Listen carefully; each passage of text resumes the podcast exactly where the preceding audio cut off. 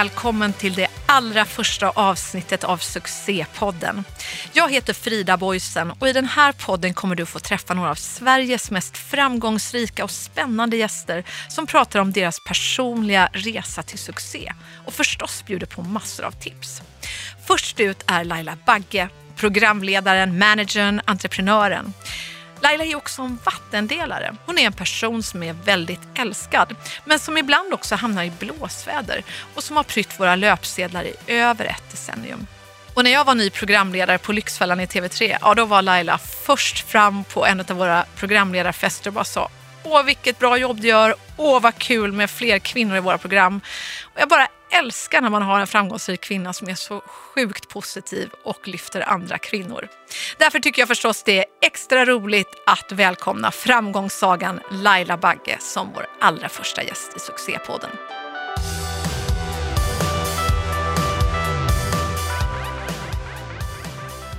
Hej Laila Bagge, vad roligt att du är här.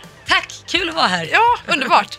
Du, eh, nu är vi ju här i Nämndhuset och jag antar att du gick upp tidigt i morse när gick du upp? Väldigt tidigt, eller ja, inte så tidigt, eh, halv sex gick jag upp. Så det är inte så himla farligt. Nej. Men jag är trött, det är jag. Ja, för du var uppe sent igår på programledarfest har det ryktats va? Jag vet, det blev ju alldeles för sent och alldeles för många vinglas. Ja, ja, men det är härligt. Är du bra på att unna dig saker i livet? Eh, jo, men det tycker jag. Ja. Jag tycker att jag jobbar så mycket så att jag eh, definitivt tänker att nej, men det här ska jag unna mig för att eh, jag jobbar så mycket. Då kan jag unna mig det. det. Det är inte så ofta jag får göra det. Ja, men det är helt rätt.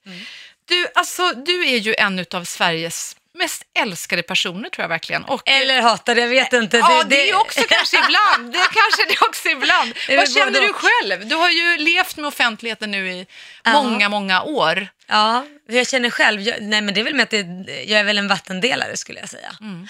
Så att jag, jag tror att antingen gillar man mig eller så gillar man inte mig. Vilka är det som gillar dig då? De smarta människorna. Ja, såklart, givetvis. nej, men, eh, nej men de som gillar mig tror jag eh, är väl sådana som är lite åt mitt håll, eller de förstår min humor, Mm. förstår att jag har glimten i ögat oftast när jag säger saker, att jag inte menar någonting för att vara elak, eh, fattar sarkasm. Fattar man inte sarkasm så kan man tycka att jag är väldigt otrevlig.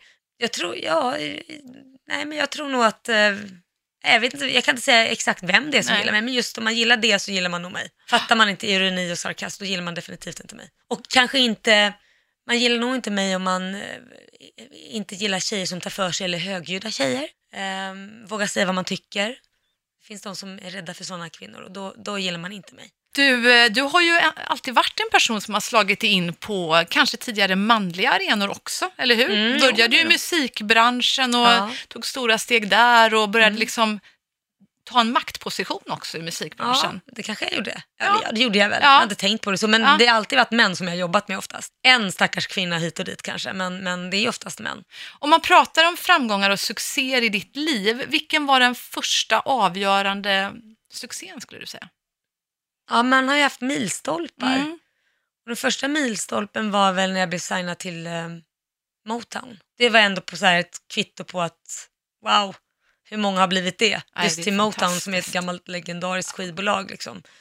Hur gammal var du då? 24 var jag då. Så det var väl första milstolpen. Kommer du ihåg den känslan?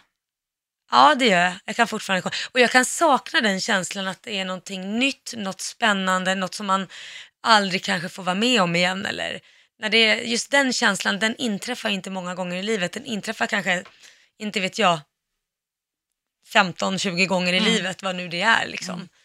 Eh, Så att det har jag lärt mig med åren att njuta när jag känner den känslan att den kommer igen. Och, och vad, vad, vad blev den största framgången på Motown? Ja, nej, det blev inte så mycket framgång där. Det var väl, eh, min skiva släpptes eh, framförallt i Japan och där sålde den ju eh, bra. Det var typ 2000 ifrån guld, vilket var skittråkigt för jag vet att jag hade typ köpt de 2000 själv. Ja. Ehm, men, och där låg jag etta på Tokyo Top 100 på radiostationen och sådär. Men mer än det blev det ju inte så mycket mer. Nej. Och ehm, jag sadlade om till manager för jag fick lite avsmak för att det var ju- just då i skivbranschen när den började vara lite så stökig och 2000 anställda fick gå. Univer- eller Universal köpte upp Polygram eh, som då blev Universal. Ehm, så att jag kände, nej men jag är nog inte på rätt plats. Vad är jag bra på? Jag rannsakar mig själv. Vad är jag bra på egentligen? Jo, jag är egentligen bra på att hitta artister, jag är bra på att se deras, eh, det de är bra på och jag är bra på allt det här runt omkring som egentligen en manager ska hålla på med. Så det är egentligen en manager jag ska vara. Så att då sadlar jag om. Tror du att det är en av nycklarna till att du har lyckats så bra? Liksom våga tänka om Mm. och tänka så här, ja, jag trodde det var det här, men nej, nu ändrar sig branschen, det kanske är det här mer. Ja, jag tror jag... Ett, så är jag inte rädd för att misslyckas. Så det tror jag är ett framgångsrecept. För det jag vet eh, sedan tidig ålder är ju att alla stora entreprenörer har mängder med misslyckanden bakom sig. Jag skulle inte säga egentligen att det är misslyckanden, för det är någonting du lär dig av. Ehm, och sen så att jag tänker utanför ramarna, att jag vågar vara kritisk mot mig själv och titta på, är jag tillräckligt bra? Det är så tabu här i Sverige att säga att man inte är bra på någonting. För att Jo men det är klart du är bra, men du ska inte sänka dig själv. Nej men det handlar om att vara realistisk. Finns det andra som gör det här bättre? Så antingen måste jag bli minst lika bra eller bättre på just det. Eller göra något helt annat som jag kanske är ensam om. Att så jag står på en egen eller sitter på en egen stol. Och där är jag bra att vara självkritisk. Och även då tänka utanför ramarna för att få det där, eh, vad ska man säga? Om jag vill göra smycken till exempel, det finns ju mängder som gör smycken. Ja. Ja, men tänka till, hur ska jag göra smycken som sticker ut som inte finns på marknaden just i dagens läge? Den nyckeln är jag bra på att knäcka. Och det är väl också ett framgångsrecept, att tänka till att göra det annorlunda eller göra något helt annat som inte någon har gjort. Se hålet i marknaden. Ja, lite så. Mm. Och just att inte vara rädd. De flesta lärde ju känna dig när du gick in i, i Idol. Mm. Och det var ju eh, som att utnyttja alla dina managertalanger, att Ja. hitta eh, stjärnor och så ja, bara exponera det för miljoner människor där ute. Ja. Vad var den största chocken med Idol, vad du inte hade kunnat förutse? Jag, jag förstod ju att jag skulle bli offentlig och i och med att jag har jobbat mycket med artister så vet jag ju vad det innebär, definitivt. Men jag hade ju aldrig räknat med att jag skulle bli så offentlig. För det finns ju skillnad på offentlig och offentlig. Det finns ju de som är offentliga som inte det skrivs om jättemycket mer än när de är aktuella med en ny skiva eller ett program och så vidare och sen är de borta. Men det här tog sån snurr så att jag var nog inte beredd på liksom att det skulle stå så mycket grejer och folk skulle tycka så mycket grejer. Och av alla de här löpsedlarna, för du blev Ja. ju verkligen en löpsedelsfavorit. Folk älskade ju att läsa om dig och älskar att läsa om dig. Kanske Ja. både som sagt plus och Och minus. minus, absolut. Ja, men det är liksom, Ja. de, man vill bara ha Laila. Vad, vad, vilken av alla de här löpsedlarna kändes mest? Oj. Men det är ju massa olika, det är svårt, det finns olika, de löpsedlarna som var positiva, då, då är ju det bara roligt och härligt. Ja. Men löpsedlarna som är negativa vill man ju bara gå och gömma sig och hoppas att det ska bli en ny dag. Och, och in, man vill inte gå och handla och, och man bara sitter hemma och drar täcket över huvudet. Och, så ringer alltid någon jäkel bara, har du sett tidningarna? Man, alltså, ja! Vad fasen tror du jag är hemma för? Ja. Ja, så att det, det finns många olika. Mm. Hur är det, du, du nämnde ju här när vi talade om eh, hur man kan bli utsatt i sociala medier. Eh, jag, jag jobbar ju själv med, med Trolljägarna och har ju Ja, sett och det programmet är så viktigt. Ja, och gud, man ser ju en hel del och det är ju fruktansvärt, eh, inte minst för just influencers och kända personligheter som du själv och andra som utsätts på ett helt fruktansvärt sätt. Mm. Jag tänker, vad, vad har du själv varit med om i den vägen?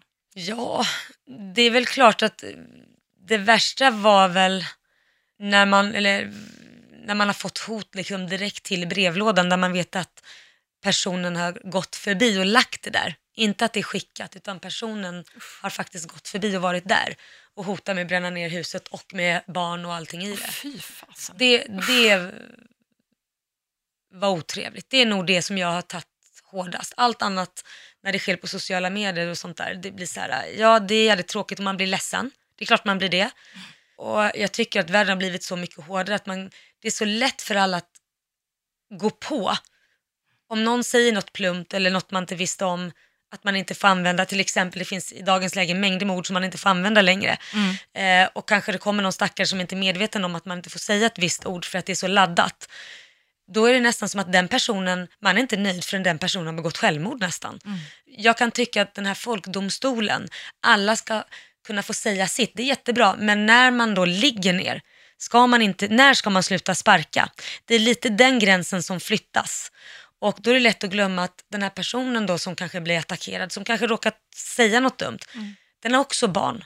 Den har också en familj, den kanske har varit med om ett dödsfall, den kanske har, alltså man blir så känslokall och glömmer det här. Och har man bett om ursäkt, då har man inte bett om ursäkt på rätt sätt. Och man har inte släpats tillräckligt länge i skiten för att man ska acceptera en ursäkt. För det där var o- alltså, det tar sådana proportioner. Och jag tror inte att folk förstår förrän de själva skulle sitta i den sitsen att oj, så lätt, lätt är det. För är man offentlig och framförallt jag som sitter och pratar i radion varje dag live, det är klart det är lätt att det kan slinka ut något som oj, det där blev fel. Pröva sitt 24-7 live Nej, och se att herregud. du inte råkar säga någonting som inte gör att någon blir förnärmad. Alltså det lät ju helt fruktansvärt det här när du får alltså, det har varit någon fysiskt vid din brevlåda och Mm. lagt ett brev där det står att man ska bränna ner huset med Barnen barnen, i. Ja, Alltså det måste ja. ju vara det värsta man kan vara Oh ja. med om, att någon hotar ens barn. Oh Då går det ju under skinnet på ett annat sätt än att det bara är bara och bara, men är ett hot mot dig. Mm. Vad, Och det- vad, det var hur som kändes värst. det? Nej men det var, jag har aldrig vågat tala om det här faktiskt för att jag har varit rädd för att det ska bli en stor storm av det men det var som värst när ehm, jag gjorde ett uttalande och, som det var plumpt om hemlösa och jag menade ingenting illa. Jag gjorde en snabb reflektion, skrev ett inlägg som var så jävla plumpt gjort men jag menade inte att tacka ner på någon som är hemlös. Jag skänker pengar hela tiden till olika hjälporganisationer just för bland annat detta och med andra också. Och det blev ju, tog ju en jättefart i både sociala medier och i press. Jag tror i en veckas tid kunde inte jag gå ut och jag grät varje dag och jag bad om ursäkt, jag om och om igen, men det var inte good enough. Och till slut så fick ju jag då Det var i mordhot. samband med det som det Ja, kom då. Och till slut ringde faktiskt min PR-agent till tidningen och sa ni får sluta nu för att nu får Laila så mycket hot så att hon vågar inte vara hemma. Mm. Och jag, jag blir rörd än idag när jag pratar om detta för det var, det var väldigt, väldigt jobbigt. Fan, Ja, Men jag förstår det jag har Laila. inte vågat prata om det tidigare heller för det var, det, jag vet inte ens om jag vill att det här ska komma med heller. För jag började- kan fundera på det. Nej men därför att det, det är um, ett uttalande som jag verkligen ångrar. Och jag menade inte det så. Det blev som att jag ser ner på de som har mindre pengar. Jag kommer själv från en under och medelklassfamilj och haft det jättejobbigt. Mm. Och framförallt när man vet också vad man gör och hjälper andra. Så det Mm. var plumpt, det var dumt och det blev så fel. Och jag är inte mer än människa och kan vara mänsklig och göra fel. Och jag visste inte vad jag skulle göra och jag visste inte hur jag skulle be om ursäkt. För vad jag än gjorde så blev det fel. Och det, det liksom, mina barn fick äta upp detta och det, liksom blev, det var väldigt Fasen, obehagligt. Ja, jag sitter och ryser när Det du berättar det här Laila. Det är, det är så hemskt att man inte kan få göra ett misstag och be om ursäkt. Ja, det är och det. att det inte kan få accepteras. Och hur, oavsett vad man själv någon gång, alltså alla människor gör vi väl fel känner jag. Ja. Och att man, när man genuint ber om ursäkt och man själv känner att "Ja, men det blev fel. Och hur Mm. folk då kan vara så genuint elaka att de också inte bara hotar en själv, vilket är helt fruktansvärt, bara det. Men också hotar barn. Alltså jag, Ja. det, det går det- bortom mitt förstånd. Och där tycker jag också faktiskt att när det tar fart så har man också ett ansvar som tidning, om det nu är där Mm. också, att hur mycket ska vi elda på det här i pressen? För det är en otrolig makt man har. Jag vet att eh, Martin Timell hoppade på mig där. De, Mm. Han gjorde ett uttalande om hur hemsk människa jag var. Arga snickaren gjorde ett uttalande om hur hemsk människa jag var. Det var, alltså, det var i tv-soffor, det var alla skulle säga vilken hemsk människa jag var. Och jag har aldrig känt mig så ensam i hela mitt liv, för det var ingen som ville höra på min ursäkt. Var det ingen som backade dig i det här läget? Nej, för alla var rädda för att säga någonting. Ah. Jag har alltid varit en sån människa som har supportat de som har det mindre bra Mm. och kämpat för att rätt ska vara rätt och det ska inte finnas några orättvisor. Därför blir det här slaget mot mig själv så jävla hårt att man helt plötsligt är allt är borta. Mm. Att man kämpar, liksom, man kanske skänker pengar till olika välgörenhetsorganisationer, jag åker till Bangladesh. Allt det här är liksom inte värt piss. Jag tycker det är så otroligt viktig fråga det här du tar upp, för det, jag tycker det säger så mycket om vårt samhälle idag. Att, vi, att det är tyvärr som att det har blivit ofta ett hårdare klimat, att vi Mm. har väldigt svårt för förlåtelse och nästan som att det kan vara lite sådär göttigt. Alltså att folk står och ser på också Mm. som i en tyst mobbarring och inte säger något. Det blir ju som att alla håller med och det blir Ja, och sen vissa ensamt. kanske som förstår att oj det där var kanske dumt men de kanske inte vågar säga något för när det tar Mm. fart så vågar de inte gå ut och säga något för då kan de själva bli indragna i det. Nej, jag tycker det är en jätteviktig fråga. Det, vad vi riskerar det är ju att vi får ett väldigt tyst samhälle i förlängningen. Ja. Det är ju ett hot faktiskt mot Ja. hela demokratin. Ja. Att människor inte känner att man inte orkar vara offentlig längre. Man orkar Mm. inte synas, höras, finnas för, för det här, den här massiva eh, kritikerväggen Mm. som kan äta upp en totalt.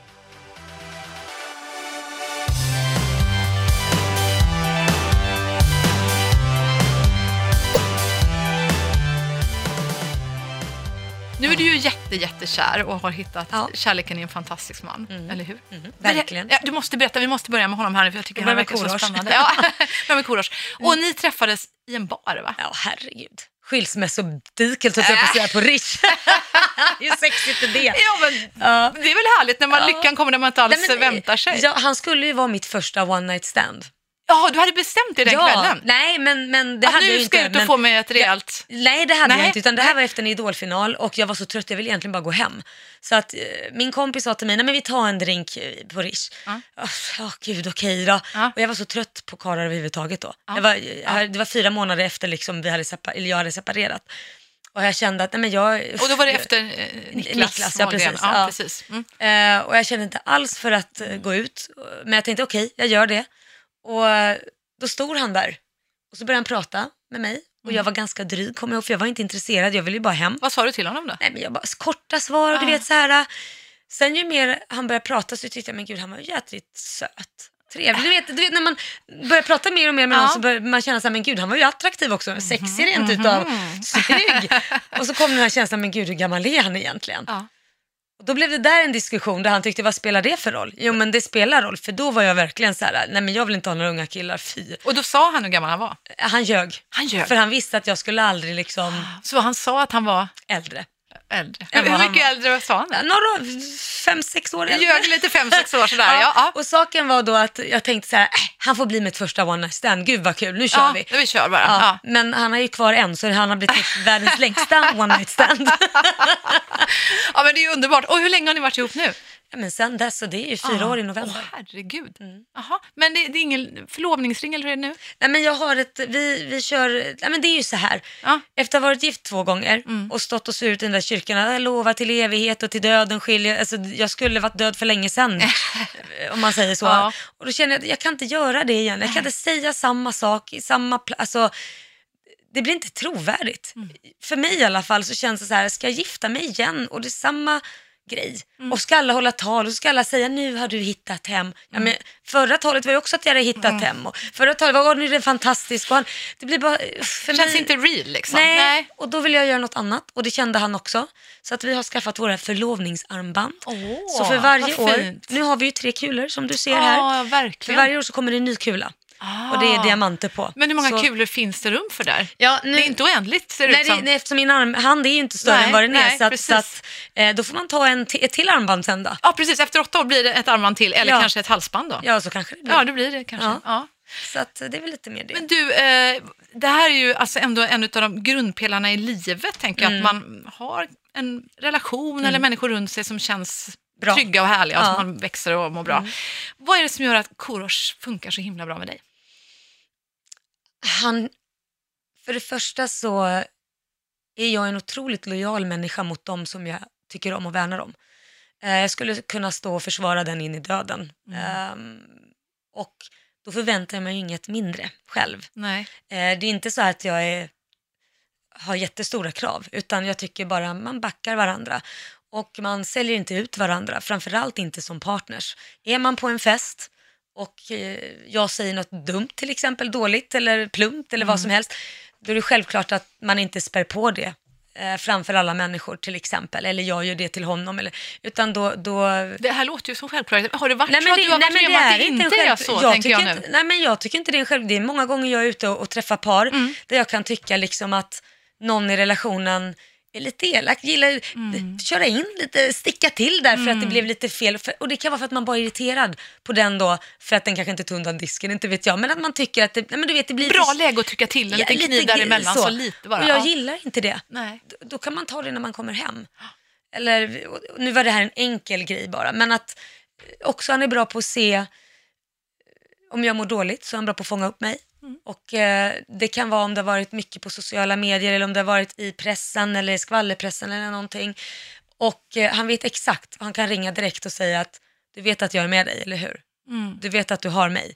Åh, vad fint. Ja, och det, bara det, helt plötsligt så känner man sig inte ensam, för man kan känna sig oerhört ensam. Oerhört ensam i den här världen i alla sociala medier och framförallt också, om man nu ser det i min situation, så, så är det ju väldigt många som är offentliga runt omkring mig. Om vi nu tar till exempel eh, Kit, min son som jag har tillsammans med Niklas, då har vi hans släkt och det kan bli att det står i tidningarna fast de kanske inte har sagt någonting, men att det blir upphaussat för det ska låtsas vara något familjebråk eller någonting. Och man kan känna sig ensam, vilket då är Korosh väldigt bra på det där. Du vet att jag finns här. Mm. Du är inte skönt. ensam. Och det känns jävligt bra. Eh, I vad det än är egentligen. Men vad är det du söker hos en man? Hur vill du liksom känna dig? Jag vill inte att han ska ta mig för givet. Och det har aldrig Korosh gjort nå- någonsin. Aldrig någonsin. Jag vill inte hamna i en vardag där man tar för givet att maten står på bordet eller vad man nu har, för man har ju alltid delat upp det till exempel, någon kanske gör tvätten eller någon eh, diskar. Exakt. Då vill jag fortfarande höra liksom, gud fastän du har plockat undan här, vad fint det var. Eh, eller om han då har tvättat och säger, åh vad gull, du har tvättat, vad fint. Jag vill inte bara ta för givet, bara för jag gör disken så tvätta. Så jag vill fortfarande få det bekräftat och även bekräfta honom. Eller att vad fin du är. Eller, alltså han- det känns fortfarande som vi är inne i vår smekmånad om jag ska vara helt ärlig. Och jag har, det har jag aldrig varit någonsin i hela mitt liv. Så länge, fyra år senare. Wow, Så jag tror, att, ja, men jag tror att det handlar mer om att, inte, ja, det är ju det, inte ta varandra för givet. Som, jag, jag, som till exempel, han visste att jag har haft jättehektiskt på jobbet och varit borta och rest och fram och tillbaka. På morgonen när jag går upp, då har han alltså, efter att jag har lagt mig, han kommer lägga sig lite senare då för han kanske vill se något program eller så, för jag lägger mig lite tidigt Ja, för att klart, jag det är har radio Ja. Eh, när, jag, när jag går upp på morgonen, då har han sprätt ut rosenblad över liksom hela Åh, golvet. tagit mig ner till köket Nej. och där står det rosor och så står det då att han älskar mig och sen kanske det står någon frukostgrej eller... Åh. Då har han bara gjort det här, det här lilla utan att det är en speciell dag. Men gud, finns det fler sådana som den här? Nej, men alltså det, det, det, för mig är det mer värt än just födelsedagar eller man firar någonting. hur? Den där lilla grejen. Wow. Och, och komma ut och han har fyllt på bensinen och man bara, shit han har fyllt, han har tankat upp bilen. Okej? För han visste att nu måste jag skynda mig och åka till innan jag börjar radion och panik, hjärtat i halsgropen och, och, och hinna tanka innan och sen så, då har han gjort det. För han kanske tog den av misstag och såg att oj, här är det nere på noll nästan. Så ska Laila slippa det. Ja, det är ju helt underbart. det, det, och jag kommer ihåg första gången när jag, fick, när, när jag var på väg hem från, jag hade varit och handlat på ICA. Det här var första gången jag märkte att wow, han, han tänker till. Eh, och då ringer han, vad, vad gör du? Ja, men jag är på väg hem från ICA och handlat. Ja, men ring när utanför. Jaha, varför då? Ja, men ring, bara ring när utanför. Ja, okej, ja, jag är här. Kommer han ut och så tar han in alla kassarna. Du vet, jag stod bara så att hakan, aldrig hänt. Ja, helt underbart. Inte för att man måste göra det, men, Nej, det, men- det var bara så här, okej, he's a keeper.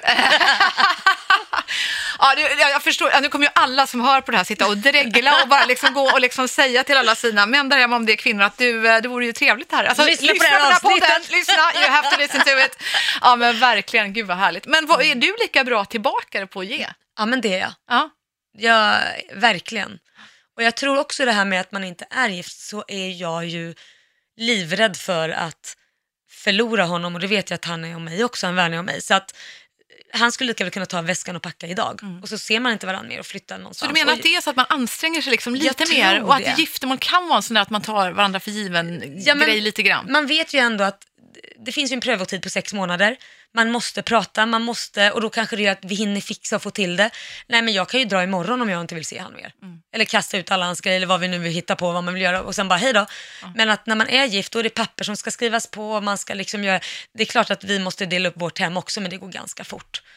Det, det är inte så här den här proceduren som det är. Så jag tror att man är lite mer på tå. Men hur är det, ni jobbar ihop nu också? eller? Ja, ja. Eh, vi gjorde ju inte det först. Nej, utan han är från början... Eh, försäkringsrådgivare för Trygg-Hansa. Ah. Ehm, och d- där, jag tyckte han var jävligt duktig på det han gjorde. Han sålde försäkringar, han var väldigt duktig. Och då så tyckte jag att du ska börja jobba med mig för du är så strukturerad och jag behöver någon som har struktur. Eh, och sen en duktig säljare. Ehm, så att jag, jag, eh, till slut så hittade vi ett gemensamt projekt som vi båda brann för, vilket är vårt ekologiska hudvårdsmärke Mojana Corrigan. Eh, vi hittade tre tjejer som gör det här själva och det är svenskproducerat, bara ekologiskt. De är fantastiska och jätteduktiga på det de gör. Och då gick vi in i det tillsammans. Så att det var så det började. Sen så har vi börjat jobba mycket mer med, han tar hand om all struktur när det gäller mig, för jag är så... Alltså det här med strukturen måste vi prata om Laila, eller hur? Alltså hur är Du måste berätta om det här med dina pengar och hur det funkar. Det här med rolighets, skojkonton vad du kallar det. Du måste berätta ja, det. det är faktiskt Korosh som har gjort det här. För han tyckte jag brände så mycket pengar. Jaha, men berätta, hur, hur funkar det? Nej men eh, han klippte mina kort. för att han tyckte att jag, jag eh, köper på mig för mycket saker och jag gör det. Apropå unna sig då. Jag unnar ja, mig och då ja. köper jag saker och, och, och Och, då, och då- är det, vad är dina guilty pleasures? Nej men det är oftast restaurangbesök, middagar eller eh, ja det kan ju vad som helst egentligen. Ja, ja. Men, men ehm, då tyckte han att nej du ska bara ha ett kort. Eh, och när de pengarna är slut så är de slut. Så är det bara. Ja. Och ska du ha mer så får du ringa mig så för jag över från ditt företag. Eh, så att jag har ju då ett företagskonto och sen så har jag ett räkningskonto så det går direkt, räkningarna går direkt dit. Eh, pengarna går dit för att betala alla räkningar. Och sen har jag då mitt skojkonto som jag har då en slant på varje månad som jag får ha roligt för. Och sen när det är slut då måste jag gå igenom honom för att få nytt. och, det, och det är bra för att då vet jag hur mycket jag gör av mig för då vet jag okej nu har jag shit, nu har jag kommit hit så nu får jag liksom komma med hoven här och säga kan du föra över så här mycket och då får jag mm, nu har vi gjort det en gång, nu gör vi inte mer den här månad, månaden så jag behöver det. Brukar skojkontot ta slut? Ja. Ja, det det brukar slut. det, så jag Ja. måste gå igenom honom och sen så eh, om han kan säga så här, nej nu tycker jag att det räcker, då, jag, då, då brukar jag gå igenom banken i alla fall. Ibland. Så det Men- finns en livlina bakom? Ja, det finns liksom. en livlina, men det är också liksom ett stopp. Det, för mig, då vet jag hur mycket jag har kvar och jag vet Ja. att nu får, jag, nu får jag inte vara lika... Ja. Intressant. Ja. och det har funkat jättebra. Ja, ja, ja, spännande. Ja, jag jobbar ju mycket med Lyxfällan Ja, där vi jo, har jag liksom personer som har också lite sådär utmaningar med sin impulskontroll och man gillar att shoppa Ja. loss. Så det här tycker jag var en intressant lösning. Jag har aldrig hört den tidigare. Men, ja. Ja, det funkar jättebra Ja, faktiskt. skitbra. Men just det här att, ni, att du, som du säger, du är ju också väldigt entreprenöriell. Mm. Du gör ju en mängd andra saker än bara leder Sveriges största och bästa morgonradioshow. Men Ja, visst är det så? Visst går det bättre än någonsin hörde jag? Eh, Alltså nu när vi fått de nya eh, sändarna så är det på lika villkor helt Ja. plötsligt eh, som de andra då stationerna. Och ehm, ja, just nu firar vi champagne och de andra nog krismöte, så skulle jag vilja uttrycka mig. Grattis, kul! Ja. Men förutom radioshowen då så gör du ju en mängd olika saker. Det är ju smycken väl och, och, och är det, vin fortfarande eller hur är Ja, det vin, jag lanserar faktiskt ett nytt eh, vitt bubbel nu faktiskt i? Åh, dagarna. så Ja. trevligt som heter... ekologiskt. Eh, det heter Rubicin. Jag har ett rödvin som heter, eh, eh, nej det heter inte alls Nej, jag det. tänkte Gud. verka konstigt på ett Rubicin, vitt vin. eh, precis, Rubicin är det röda vinet och Ruby Frizz är det vita vinet. Ah. Så att eh, nu blev det ett ekologiskt vitt. Trevligt. Mm, Ekologiskt låter som en röd tråd för dig för övrigt då, både Ja, med hudvårdsmärket det. och ja, vinerna. Jag gillar det och det röda vinet är ju mer, det har mindre histamin i det. Så att den vänder sig kanske mer till de som eh, lätt får allergier, som man blir rödflammig eller svårt täppt i näsan och grejer av rödvin. Så då har det eh, sex gånger mindre histamin i sig. Så att jag gillar att ha lite annorlunda tänk, ska man säga, med Spännande. olika, mina olika produkter. Hur mycket gör du? Vad är det mer du gör? Jag gör vin, jag, eh, smycken har jag faktiskt eh, sålt av. Jaha, det är Ja, avsålt nu, det är så det är ett avslutat ja, kapitel. Exit. Ja, jag har Ja. gjort en exit. Och sen så var jag kosmetik och hudvård, sa jag det förresten? Ja, jo, Nej, det det- sa jag inte. Vin, kosmetik, Ja. hudvård. Artister, jag hittar fortfarande artister Mm. som jag går till skivbolag med, men jag är ju inte manager utan jag är snarare talangscout skulle jag säga. Så att man hittar en artist, tar den till ett skivbolag, ser till att den hamnar rätt och sen är man med fram till så att, ja men nu kan jag släppa taget liksom. Och hur går det till? Ja, men det, jag hittar dem på Instagram eller ser dem uppträda live. Det var ju så jag hittade Sara. Ja, Ringde upp och kollade efter talang. Ingen hade tagit tag i henne. Då var hon bara tio år. det är helt Jag tyckte väl hon var för ung, men jag såg att det där är bara en tidsfråga innan hon kommer slå och kommer bli en stjärna. Så Va- att, eh, Vart såg du henne första gången? Talang. Mm. Och eh, jag blev väldigt chockad över att inget skivbolag hade ringt till hennes mamma och sagt att de vill jobba med henne. Även om hon var ung så kan man ju köra en utvecklingsfas med att vi jobbar och utvecklar dig fram tills du är 15. Eh, Men skivbolagen jobbar inte riktigt så. Det enda jag vet som jobbar så är ju TEN, där hon är signad. Men hur, vad var din resa med, med Sara? Eh, nej men resan är ju att jag tog henne till, vi åkte runt till USA också, jag presenterade henne för skivbolag där. Och eh, de älskade henne men de tyckte att hon inte var färdig. Hennes engelska, hon var ju bara tio. Eh, Så hennes engelska var väl inte klockren då eh, när hon pratade. Sångmässigt var det ju jättebra. Eh, Så de sa det, men kom tillbaka när hon har blivit bättre på engelska och har kanske om två år liksom. Men då kände vi det att men hon kanske ska börja i Sverige ändå. Att börja bygga sin bas där. Och då tog jag henne till TEN. Och de nappade direkt och tyckte hon var fantastisk och sa det att nej men henne vill vi jobba med. Eh, och sen så fick jag väl en. Eh, och sen så Flyger hon själv så att history. säga? Ja. Ja. Ja, vad, vad, vad är känslan i dig nu när du ser Saras framgångar, Sara Ja, Larsson? men jag är jätteglad. Jag är jätteglad. Ehm, och jag har alltid älskat att hon är så himla... att Hon har vetat det här, den här målmedvetenheten känner jag väl igen mig själv i när jag såg henne första gången. Första gången jag pratade med henne så sa hon jag ska bli lika stor som Elvis. Mm. Och har man den järnviljan så kommer man att lyckas. Om man verkligen, verkligen liksom, för det är någonting jag lärt mig i branschen, du kan vara hur duktig som helst och hur bra låtar som helst, men har du inte den viljan så kommer du aldrig lyckas, för det är så jävla mycket jobb. Och vad är ditt mål nu? Vad är din vilja nu som driver dig framåt?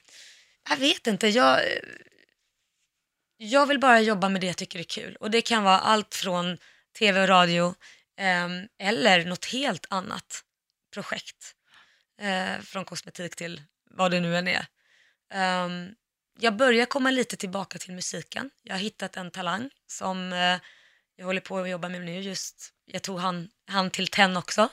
Och jag tror att han kommer bli vår nästa stora artist här i Sverige. Oh, Han är spännande. 15 år och eh, det var precis samma känsla som när jag såg Sara första gången. Samma typ, alltså den här stora rösten. Ehm, han är fantastisk.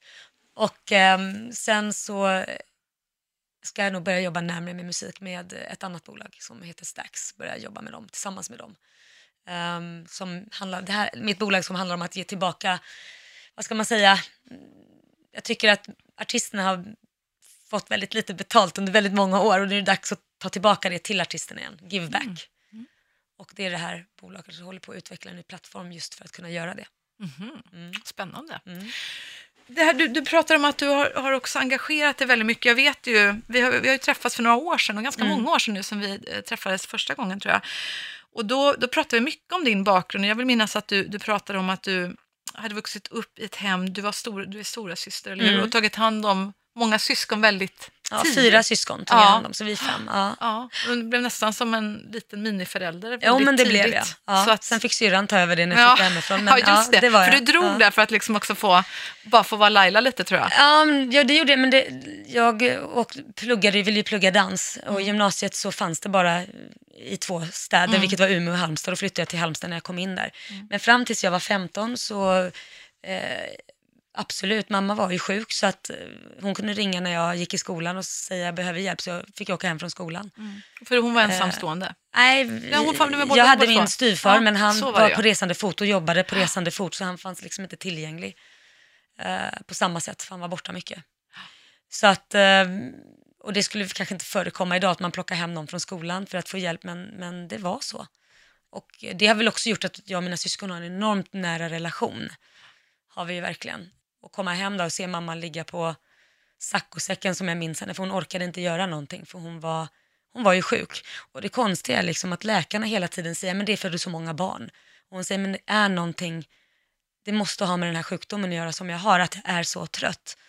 Och det var hon ju hela vägen fram tills hon gick bort. Så var det den här konstanta tröttheten, att hon inte orkade göra någonting för hon var helt slut. Så att jag tror inte att läkarna hade rätt där att det handlar om att hon har många barn, för att de växte ju upp.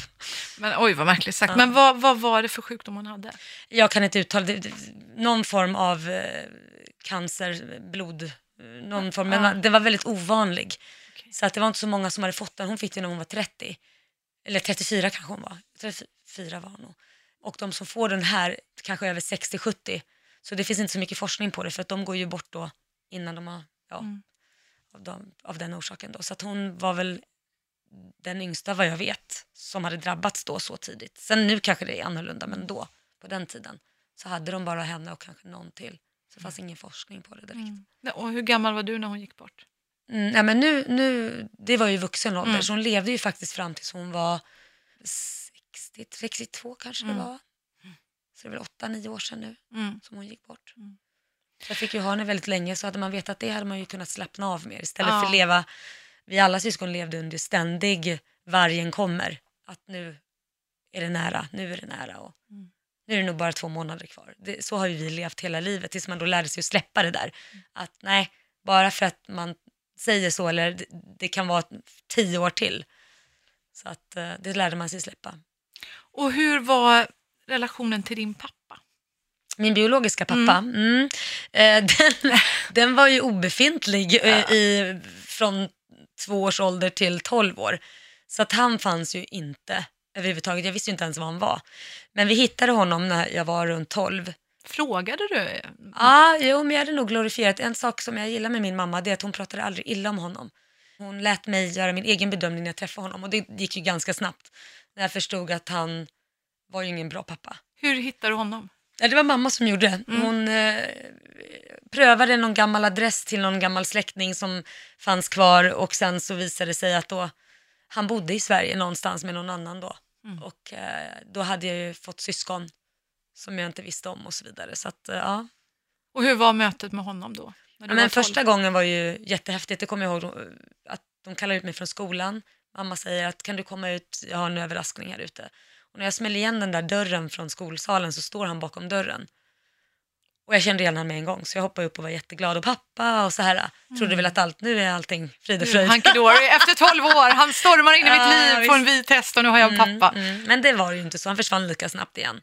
Och det är lite det här jag, eller jag konfronterade honom i Lailaland i första säsongen. Ehm, för att sen har vi haft sporadisk kontakt en gång om året, pratat lite så här. Men jag tänkte att nej men antingen nu så ser vi till att få en bra kontakt, för jag, framförallt för mina barns skull. De, Liam känner ju att han inte har någon alls på någon sida av släkten. Han har ju en farmor kvar men that's it. Och eh, eftersom han har en morfar så tycker han det är så sjukt att jag inte har någon kontakt med honom. Och jag kände att han behöver nog det. Och då tänkte jag att jag tar kontakt med honom och, och det får bära eller brista. Jag konfronterar han på tv. Och är det så att han reagerar med att han går upp och blir arg, då blir, får det vara så och så har vi ingen kontakt mer. Eller så får vi en bättre kontakt. Det var det som var valet. Och eh, jag blev väldigt glad att han faktiskt blev ledsen på riktigt och började gråta och bad om ursäkt och sa det att jag har varit en jättedålig pappa och jag ångrar mig verkligen och jag hoppas att vi kan att det kan bli bättre nu och jag vill vara med i ditt liv och vill vara med i Liams liv och, och sen dess, det har ju också gjort att Lailaland är ju faktiskt en av de bästa sakerna jag har gjort. Det trodde jag inte när jag började filma en reality, men det har ju varit som en egen terapi och fått tillbaka en pappa som faktiskt hör av sig. Vi pratar varje vecka och han har varit i Sverige tre gånger sen på ett år. Det är fantastiskt. Ja, träffat Liam och han vill att Liam ska komma till Thailand. Han bor ju där nu. Ja. Tjatar, ni måste komma och uh, Liam kan åka dit och ta hand om honom som min egen son. Och du skrattar alltid som din egen Ah. son. Det var kanske inget bra Wait a betyg. minute. ja, nej men så, så Mm. Skämt åsido. Så att vi har fått en mycket, mycket bättre relation. Gud vad roligt. Ja, så det är jag jätteglad för. Ja, Ja. Häftigt. Vilken resa. Och i Lailaland nu så får man ju också följa din resa. Nu är ju också sugen på att bli mamma igen, eller hur? Ja, eh, det är väl dubbla, dubbla eh, Hur, hur går det på den känslor. fronten? Det får du titta på programmet. Jaha, Ja, vi, spännande. vi befinner oss i att vi, vi, vi håller på. Vi håller på, ja. ja, ja. Vad- Det kan ju vara trevligt också på sitt sätt, men också förstår jag väldigt jobbigt och uppslitande och en kamp verkligen. Mm, men det är det. Mm. Och jag vet att nu har jag två barn och jag är jättelycklig för att jag har det. Det finns ju de som inte kan få något barn alls. Och det, jag kan ju inte, jag kan ju inte sätta mig in i den känslan överhuvudtaget. Jag kan bara ha en förståelse på grund av att Korosh befinner sig i den, nu kan ju han få barn, men är det så att han väljer att leva med mig så kan han ju inte det, om inte jag kan det. Om inte då vi adopterar, men det kan ju alla göra egentligen då. Eh, Men det är ju också en åldersgrej, att hur länge får man adoptera i så fall? Och, men, och det blir också så här, vill han ha ett barn, biologiskt barn, då får vi se om går det inte med mig så vet man ju inte, hur löser vi det då? Blir jag lämnad då eller blir jag inte lämnad då? Jag får ju hoppas att vår kärlek är så stark så att jag inte blir lämnad Ja, i så fall. den men, låter men där är vi inte än. Den så. låter ju otroligt stark, Mm. kärlek. Den låter ju verkligen helt enormt speciell. Kärleken till din son, till dina barn tänkte jag också att vi Mm. nästan måste beröra. Alltså, det har ju varit väldigt spännande att få följa nu eh, Liam mycket här nu i Thailand. Och, ja, Mm. eh, Hur är du som mamma? Vad, vad är din eh, liksom, framgångs... Vad är du mest stolt över dig själv som mamma? Oj, ja. Hur jag är som mamma, det ser man ju ganska tydligt i programmet. Ja. Ehm, jag är nog ganska avslappnad förälder. Jag tycker aldrig man ska glömma bort hur man själv var när man var ung. Och sen så, jag tror jag kör samma fostran som min mamma gjorde och det är verkligen att ge ansvar tills man har motbevisat och eh, få en förälder som säger jag är otroligt besviken, det är det värsta man kan få. Just den här när man har en sån nära relation, det är värre än om man skulle få en örfil om jag ska vara helt ärlig. Absolut, det är det värsta man kan höra tycker Framförallt jag. när man har fått så fria tyglar och eh, bryta det förtroendet, att man då inte har det förtroendet längre, det är hemskt. Och det vet jag att Liam känner också. Det var en incident när han frågade om man fick ta hem några personer. Och så, absolut, hur många är ni? Ja, men vi är fem. Ja, absolut, det går bra, säger jag då. Sen kommer jag och Korosh hem tidigare än vad som var tänkt. Och då är huset fullt. Vi pratar liksom Oj. 50-60 pers. Det Mm. Är ett party, men det är ingen alkohol, det är inget sånt. Så jag kommer in och först tror jag att okej, nu kommer det här vara alkohol här. Så jag går ju in direkt och jag ser ju på Liam att han blir, du vet, han blir stressad. Ja. Det här var för ett år sedan. Han blir så stressad när han ser mig. Ni skulle inte komma hem än. Nej, men nu gjorde vi det. Och jag går ju runt och ser då att okej, det här är ingen al- alkohol. Okej, så skönt. Då Ja. var det avklarat. Då slipper jag bli vansinnig. Men jag var ju förbannad för att han hade inte frågat om det och de var i hela huset. Och tanke på vad vi har där, det finns ju alkohol och det finns ju liksom eh, saker som inte de ska veta om. Som, Oj, det lät spännande. Nej, Laila, men vadå, alla, har väl grejer, alla har väl grejer hemma som man kanske har, har privat som Ja, man inte vill jo, att ja, ska hamna utanför hemmet heller. Och sen så att, att ska han då ta ansvar för att ingen går in i spritskåpet och hur vet han det? Och så vidare. Han kanske svårt, inte tänkte så det är långt. så många människor Ja, han kanske inte tänkte ur. så långt att det kan balla ur. Så att han får ju ut alla människor på tre sekunder, Eh, föräldrarna är hemma och alla går ut. Han fick sån ångest, Liam. Han, fick, han bad om ursäkt 3000 gånger och sen kommer han upp mitt i natten, klockan tre tror jag. Jag kan inte sova mamma. Jag har betett mig så jävla dåligt och att jag har förbrukat ditt förtroende nu, kommer du aldrig lita på mig? Så du får jobba upp det igen. Jag bara, "Nej, men jag mår så dåligt, jag kan inte sova, jag måste, då har han legat och tänkt på detta. Det- Alltså, han mådde så dåligt. Och då kände jag det att ja, men nu räcker det straffet här, att han kan fortfarande sova klockan är två på natten. Han verkligen ber om ursäkt genuint. Och då sa jag, du får vinna tillbaka det där. Och eh, det förtroendet har vi fått tillbaka, det har ju aldrig hänt sen igen. Det är väl också en superstyrka i sig, tänker jag. Alltså kraften att förlåta. Ja. Att inte gå omkring och, och älta saker i evighet och vara Oh ja. långsint. Är, Oh ja. är långsinthet, är det Nej, någonting? men jag är inte långsint, jag, utan jag förlåter alltid. Och vi har en kod där liksom om han ska, han, jag vill att han ska kunna känna att han kan berätta allt. Vad det än är, så vill jag att han ska kunna berätta det. För jag vill inte att han ska vända sig till sina vänner om det är någonting som är ett allvarligt problem eller om det har hänt någonting. Då ska han kunna ringa mig vad som än har hänt, så kommer jag finnas där och då ska han säga, lova att inte bli arg. Då vet jag att det här skulle inte han berättat för mig om jag blir förbannad. Då får jag hålla i tungan och hellre veta sanningen. Och så får jag stötta honom och säga, bra nu har du lärt dig av det här, ditt misstag, det här var inte bra, gör inte om det. Laila, eh, vad, vad tror du kommer att hända med din karriär framöver? Du kommer jobba med musik, säger du det, det. Radion går som tåget, du har både nytt vin på gång och du har... Eh, Lailaland får vi inte glömma. Lailaland får vi inte glömma, herregud det är så mycket. Och så har vi den här hudvårdsekologiska Ja, märket som du gör och allting. Alltså, vad, vad är du tror du om, om fem år, vet du det? Jag tror jag är på samma ställe. Nej, men alltså, jag kommer ju alltid hålla på med radio eller tv och så. Och sen så, och musik också för den delen. Men sen kanske det dyker upp något nytt spännande som man inte vet idag, som jag känner mig, det här vill jag hoppa på. Vad spännande. Någon håller på att utveckla någonting som jag tyckte var kul, vad nu det är. Vad har du för tips till, till eh, alla de som lyssnar och tänker så här, men gud, hennes liv verkar så himla spännande. Jag skulle också vilja jobba med radio, tv och musik och allt spännande du gör. Hur ska man, vad har du för bästa eh, succétips? Våga göra det också. Våga, och det, man behöver inte, har man ett jobb man känner, men jag vågar inte hoppa, nej men okej, börja vid sidan om då och se om det tar fart eller börja smyga med det under tiden och sen hoppa. Eh, men definitivt inte låta rädslor hindra, jag tror det är mycket det. Vad ska alla säga om jag misslyckas? Vad ska alla säga om, om det här inte går bra? Ja men skit i det. Går det inte bra så går det inte bra, men går det bra går du skrattande till banken sen. Så att det, och det behöver inte handla om pengar heller, det kan också bara handla om en inre frid, att man känner att man gör någonting för man bara älskar det. Ehm, och skit i vad alla tycker om det då. då. Så våga är ditt absolut bästa tips. Ja. Ja. Vad är du mest stolt över med dig själv? Ja, men jag, jag ska nog, man gör sällan det, man klappar sig sällan på axeln och säger att fan, jag har lyckats med min barnuppfostran. För alla har så mycket åsikter om hur man ska uppfostra barn och vad som är rätt och vad som är fel. Kvittot får du när de är äldre, som Liam börjar komma upp i tonåren. Det har inte varit en enda fyllefest, det har inte varit en enda gång jag har behövt hämta han och skällt ut honom för han har varit packad eller hållit på med saker han inte ska hålla på med. Han är dedikerad till det han gör, han är dedikerad till skolan, han är artig, han, han eh, vet vad han vill, han har ett mål, han vill eh, bli en UFC-fighter. Det gillar jag dock inte, men jag supportar Ja, han hur är det att vara mamma till en son som vill bli det? Jag blir inte livrädd att han ska liksom typ Jo, bli det halvt ihjälslagen? Ja, liksom. det är klart jag är rädd, men samtidigt så är det hans dröm. Det enda jag kan göra som förälder är berätta alla faror. Att du, det handlar inte om om du får en hjärnskada, det handlar om hur allvarlig blir den. För man kan ju inte räkna med att få slag mot huvudet och inte det händer något.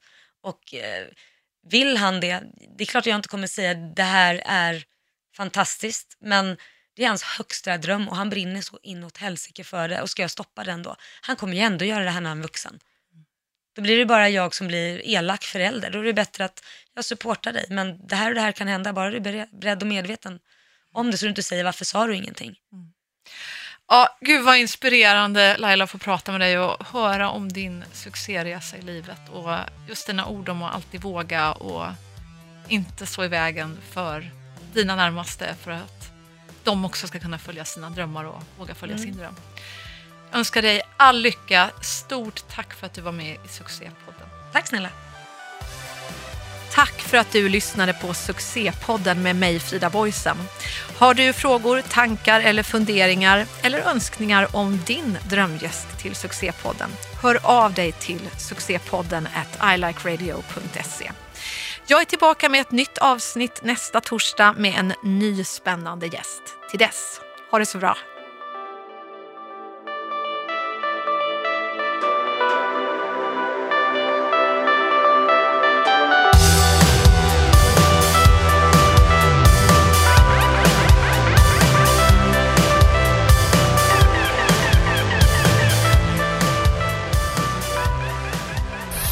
Produceras av I Like Radio.